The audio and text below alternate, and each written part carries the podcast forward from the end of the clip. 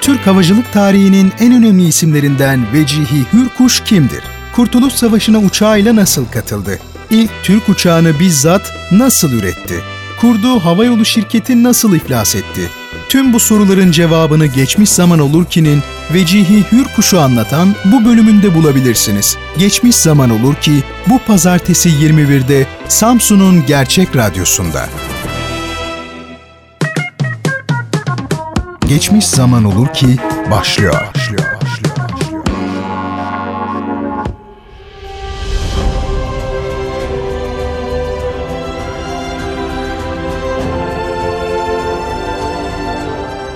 Merhaba. Tarihte yaşanmış enteresan, tuhaf olayları, tarihte yaşamış garip ve ilginç kişileri ele aldığımız Geçmiş Zaman Olur Ki programına hoş geldiniz, sefalar getirdiniz. Bendeniz Geçmiş Zaman Olur Ki sizler için hazırlayıp sunan Bertan Rona. Efendim programımı her hafta pazartesi ve cuma akşamları saat 21'de Radyo Gerçek'te dinleyebilirsiniz. Ve böylelikle her geçen gün biraz daha monotonlaşan hayatınıza hiç olmazsa haftada iki akşam enteresan ve etkileyici kişilerle, olaylarla renk katmış olursunuz. Sevgili dinleyicilerim bu bölümde sizlere Türk havacılık tarihinin en önemli kişilerinden birini, pilot ve aynı zamanda mühendis olan Vecihi Hürkuş'u anlatmak istiyorum. Vecihi Hürkuş ne acıdır ki hemen hemen hiç tanınmıyor ve sadece Gülen Gözler adlı Türk filminde usta oyuncu Şener Şen tarafından cadlandırılan Vecihi karakterine esin kaynağı olmasıyla hatırlanıyor. Bakalım gerçek Vecihi Hürkuş kimmiş? Neler yapmış? Bu ülke için önemi, değeri neymiş? Vecihi Hürkuş 1896 yılının Ocak ayında İstanbul'da doğdu. Babası İstanbullu bir ailenin çocuğu olan gümrük müfettişi Ali Fehan Bey'di. Annesi ise Vidin'de doğmuş, küçük yaşlardayken İstanbul'a getirilmiş olan Zeliha Nehir Hanım. Daha bebek sayılabilecek yaşlardayken Vecihi Hürkuş'un babası öldü. O, annesi ve geriye kalan geniş ailesiyle birlikte yaşadı. Ardından amcası Ahmet Şekür Bey'in yanına sığındılar. Amcası Ahmet Şekür Bey Harbiye'de eskrim ve resim hocasıydı. Daha sonra Vecihi Hürkuş annesi ve kardeşleriyle birlikte Üsküdar'a taşındı. Küçük Vecihi üç kardeşten ortanca olanıydı. İlkokulu Bebek'te okumuş, sonrasında ise sırasıyla Üsküdar'da Füyuzati Osmaniye Rüştiyesi'nde ve Üsküdar Paşa Kapısı İdadisi'nde öğrenim görmüştü. Bir süre sonra sanata olan merakı ve isteği nedeniyle Tophane Sanat Okulu'na geçti ve burayı bitirdi. Hürkuş 1912'de yaşanan Balkan Savaşı'na eniştesi Kurmay Albay Kemal Bey'in yanında gönüllü olarak katıldı. Bu savaşta Edirne'ye giren kuvvetlerin içinde yer aldı. Balkan Savaşı'ndan sonra ise Beykoz Serviburun'daki esir kampına kumandan oldu.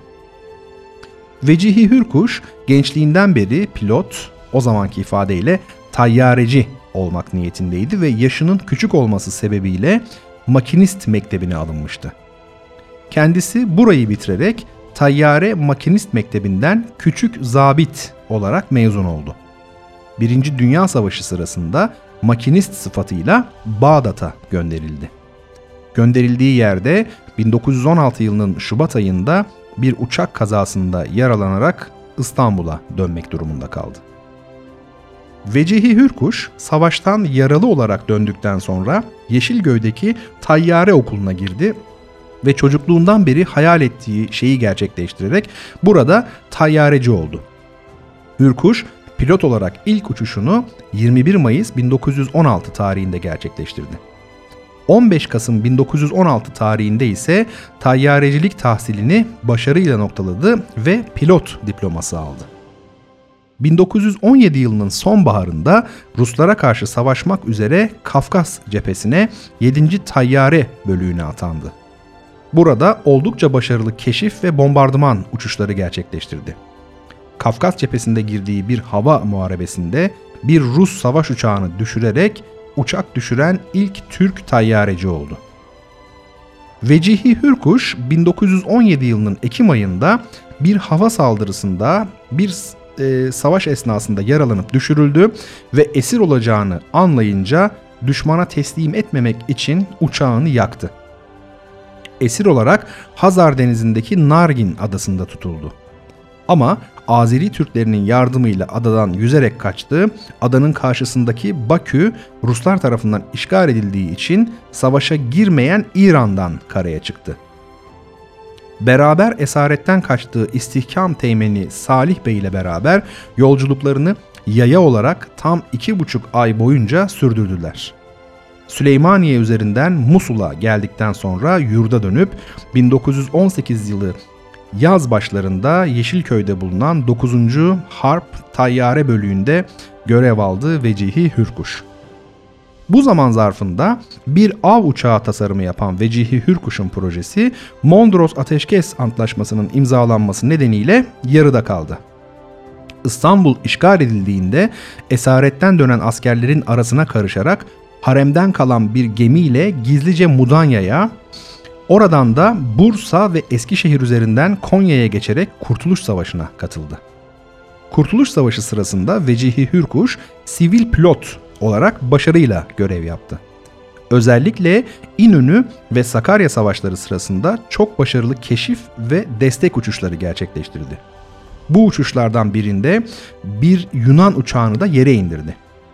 Ayrıca Kurtuluş Savaşı'nın ilk ve son uçuşunu yapan pilot olarak havacılık tarihimize geçti. Bugün Gazi Emir'de bulunan İzmir havaalanına giren ve orayı işgal eden ilk kişi de yine Vecihi Hürkuş'tur. Sevgili dinleyicilerim, Kurtuluş Savaşı'nın nihayete ermesiyle beraber Vecihi Hürkuş'a kırmızı şeritli İstiklal Madalyası verildi. Bununla birlikte Hürkuş, Türkiye Büyük Millet Meclisi'nden tam 3 defa takdirname aldı. Bu başarısı ile de 3 takdirname verilen tek kişi olma unvanına sahip oldu. Vecihi Hürkuş daha sonra Kurtuluş Savaşı yıllarında Akşehir'de jandarma komutanı olan Ragıp Bey'in kızı Hadiye Hanım'la evlendi. Gönül ve Sevim isimli iki kızı oldu. Savaşın ardından İzmir Seydiköy'de açılan tayyare okulunda yeni tayyarecileri eğitmeye başladı. 1923 yılının başlarında İzmit bölgesindeki tayyare bölüğüne atandı. Ancak 3 ay geçtikten sonra İzmir'de görevli binbaşı Fazıl'ın eğitim uçuşunda düşüp şehit olmasıyla tekrar İzmir'e çağrıldı. Vecihi Hürkuş tüm bu eğitim ve görevlerin yanı sıra fen işleriyle de uğraştı. Ayrıca savaşta pek çok sıkıntı ve büyük yokluk çekildiğini bizzat yaşayarak bildiği için kafasında bu sıkıntıların giderilmesi amacıyla havacılığı millileştirme düşünceleri oluşmaya başladı. Hürkuş yine bu yıllarda Edirne'ye yanlışlıkla inen bir yolcu uçağını almakla görevlendirildi. Bu hizmeti karşılığında o uçağa Vecihi adı verilince ilk defa uçak tasarlamayı ve bizzat üretmeyi düşünmeye başladı. İzmir Seydiköy Hava Okulu'nda ki bu okulun yerinde bugün Gazi Emir Hava Teknik Okullar Komutanlığı bulunuyor. Uçak yapımı projesi üzerine çalışmalarına devam etti. Kendi ürettiği ilk uçağında 1923 yılında Yunanlılardan savaş ganimeti olarak elde edilen motoru ve bazı parçaları kullandı. Bu uçak aynı zamanda imal edilen ilk Türk uçağıdır. Hürkuş, Vecihi K-6 adını verdiği uçağını 28 Ocak 1925 tarihinde uçurmayı başardı. Ancak bugün gururla anlatılan bu olay izinsiz uçuş yaptığı için Vecihi Hürkuş'a ceza getirdi. Enteresan.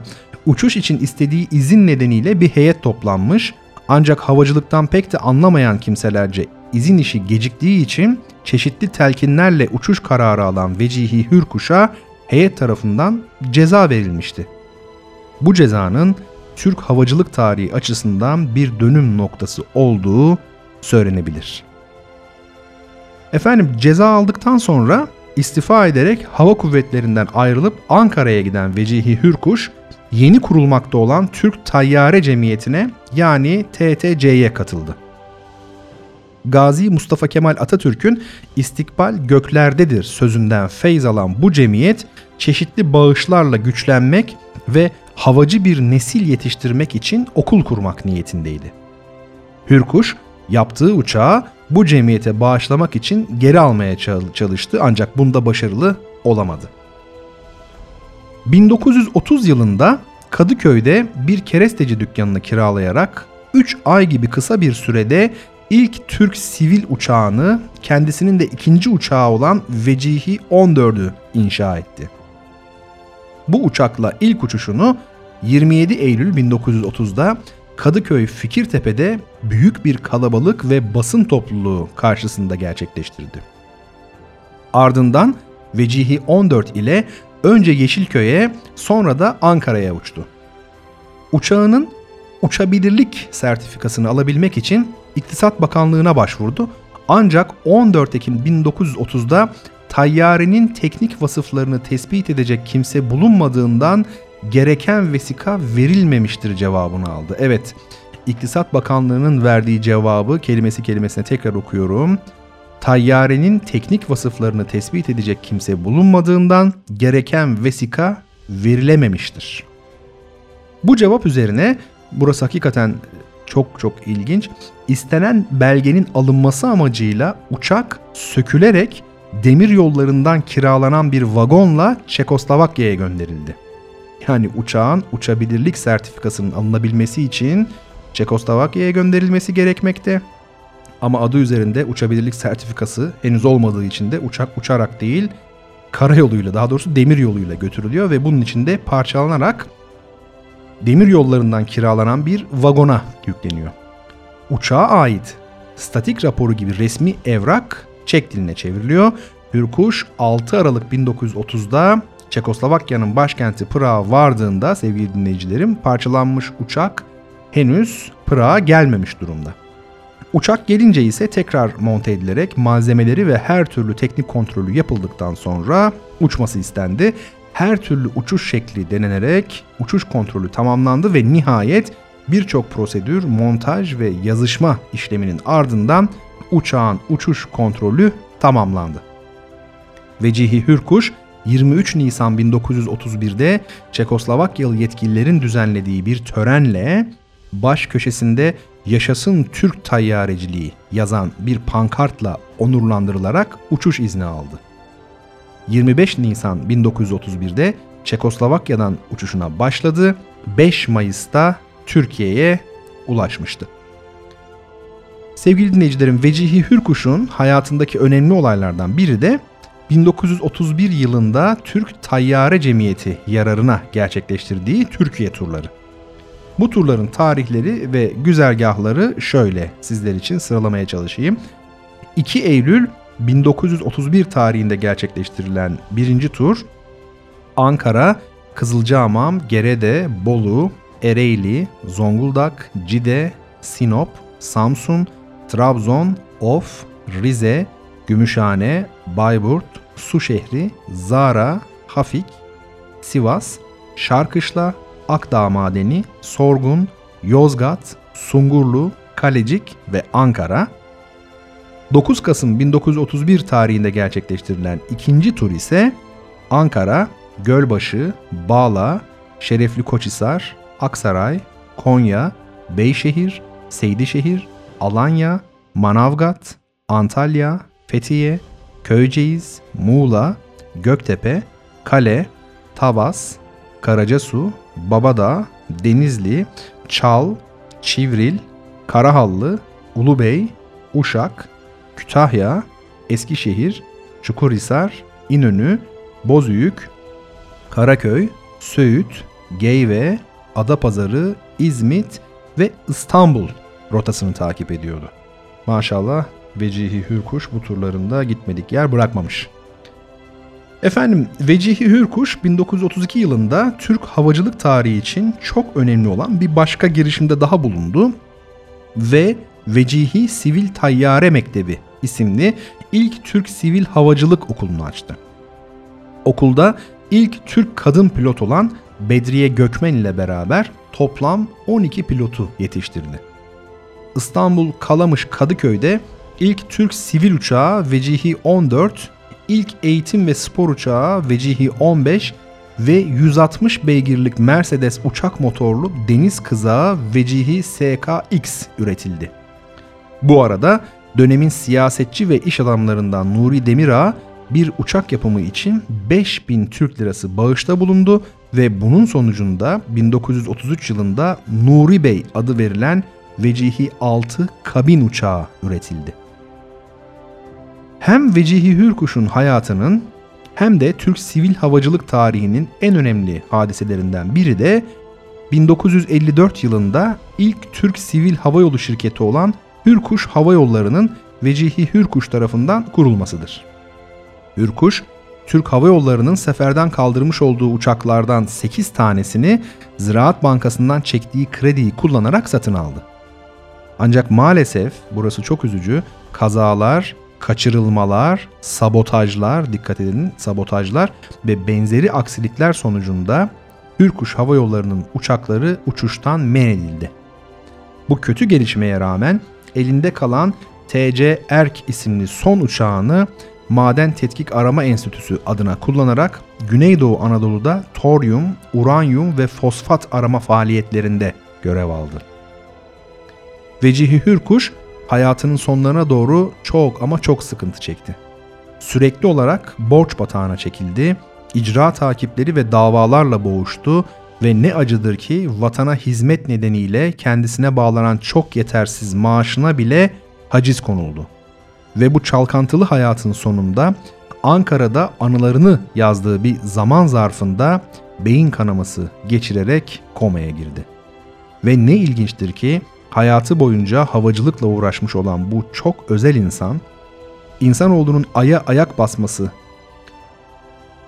için yapılan yolculuğun başladığı 16 Temmuz 1969'da Gülhane Askeri Tıp Akademisi Hastanesi'nde hayata gözlerini yumdu.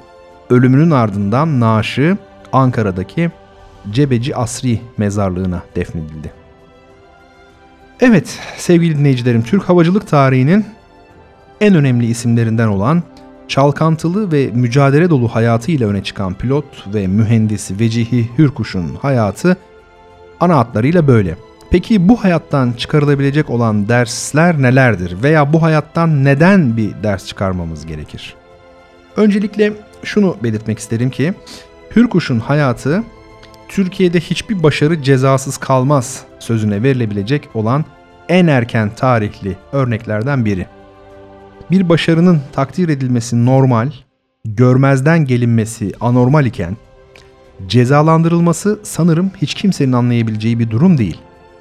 Ama aslında bir başarının cezalandırılmasının birbiriyle bağlantılı iki nedeni var. Birincisi sosyal, siyasal, ikincisi ise bireysel ve ahlaki. Ne var ki ikisi de çıkar kavramı ile ilgili. Evvela e, emperyalist devletlerin bizim gibi ülkelerin gelişip güçlenmesini ve ekonomik açıdan e, sömürülemeyecek duruma gelmesini istemeyecekleri açıktır. Bu nedenle Türkiye'nin ilerlemesine yönelik her türlü başarılı adım bu devletlerin yerli işbirlikçileri tarafından engellenir. Hatta az önce de belirttiğim e, üzere cezalandırılır ki tırnak içinde söylüyorum tabii kötü örnek olmasın. Olayın bireysel kısmı ise kanımca şu. Siz özellikle de kurumsal bir yapı içinde başarılı çalışmalar yaptığınızda o kurumsal yapının içinde kendine bir vasat bulmuş olan, e, ortam bulmuş olan ve kendisi de zaten vasat olan, ortalama olan bir takım insanların çıkarlarını, onların para, unvan, itibar vesaire gibi oldukça geniş bir skalada uzanan menfaatlerini tehdit etmiş oluyorsunuz. Bu nedenle de bütün güçleriyle sizi o yapının dışında tutmaya, eğer hasbel kader girmiş iseniz de izole etmeye çalışırlar. Şimdi isterseniz benim e, gayet tabii yanılma payı da olan bu düşüncelerimi soyut, teorik kabuklarından soyarak Vecihi Hürkuş örneği üzerinden açalım.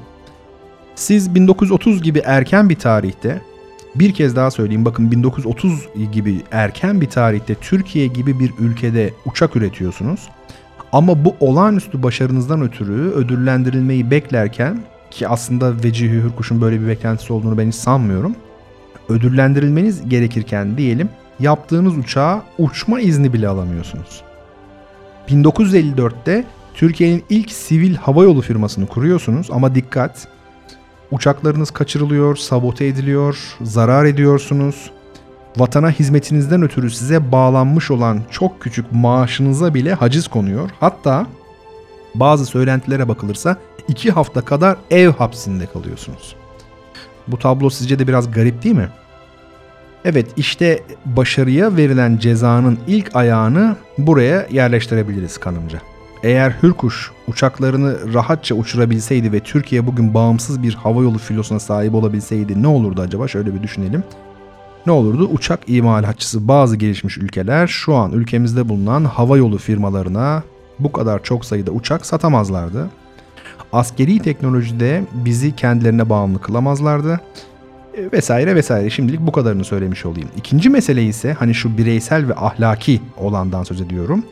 Hürkuş ile aynı okulda, aynı kurumda, aynı birlikte, aynı fabrikada, aynı dernekte artık nerede derseniz deyin bulunan insanların bir kısmı onun başarılarından muhtemelen rahatsız oldular. Çünkü bu başarılar onların kendi yetersizliklerini e, meydana çıkaran başarılardı aslında. Tabiri caizse güzelce dönen tekerlerine e, çomak e, sokulmuş olmaktaydı.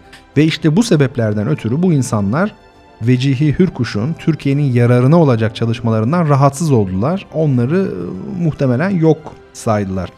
Çünkü kendi çıkarlarını her şeyin üstünde tutmaktaydılar. Meselenin ahlaki tarafı da zaten bu.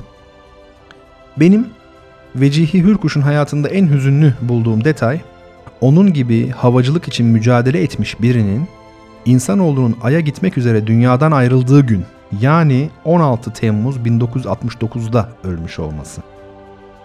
Bundan yaklaşık 125 yıl önce güreştirilmek ve açıkçası sırtından para kazanılmak üzere Amerika Birleşik Devletleri'ne götürülen ve orada yaşadıklarının ardından ülkesine dönmek üzere bindiği geminin Atlas Okyanusu'nda batması sonucu ölen Cihan Pehlivanı lakaplı güreşçimiz Koca Yusuf'un ölüm tarihinin Birleşik Devletler'in kuruluşu olan 4 Temmuz'a rastlaması gibi Vecihi Hürkuş'un da ülkesi için yaptığı ama karşılığında pek de takdir görmediği çalışmaların ardından Amerikalıların Ay'a yolculuğunun başladığı gün hayatını kaybetmesi gerçekten de hazin bir tablo. Evet, biz hiçbir şey yapmamış olsaydı bile sadece sembolik değerinden ötürü hatırlamamız gereken bu tarihi kişiliği maalesef yok saydık. Onu sadece ve sadece başlarken de söylemiştim bir komedi filminde karikatürize edilmiş bir tipe dönüştürebildik. Sevgili dinleyicilerim geçmiş zaman olur ki programının bu bölümü burada sona eriyor. Ben Bertan Rona. Geçmiş zaman olur ki sizler için hazırlayıp sunmaktayım. Programımı her hafta pazartesi ve cuma akşamları saat 21'de Radyo Gerçek'te dinleyebilirsiniz. Merak uyandıran, insanı hayrete düşüren ve şaşkınlığa sevk eden hadiseler ile insanları benden dinlemek, tanımak isterseniz pazartesi ve cuma akşamları saat 21'de Radyo Gerçek'te olun efendim. Hoşçakalın. Geçmiş zaman olur ki sona erdi.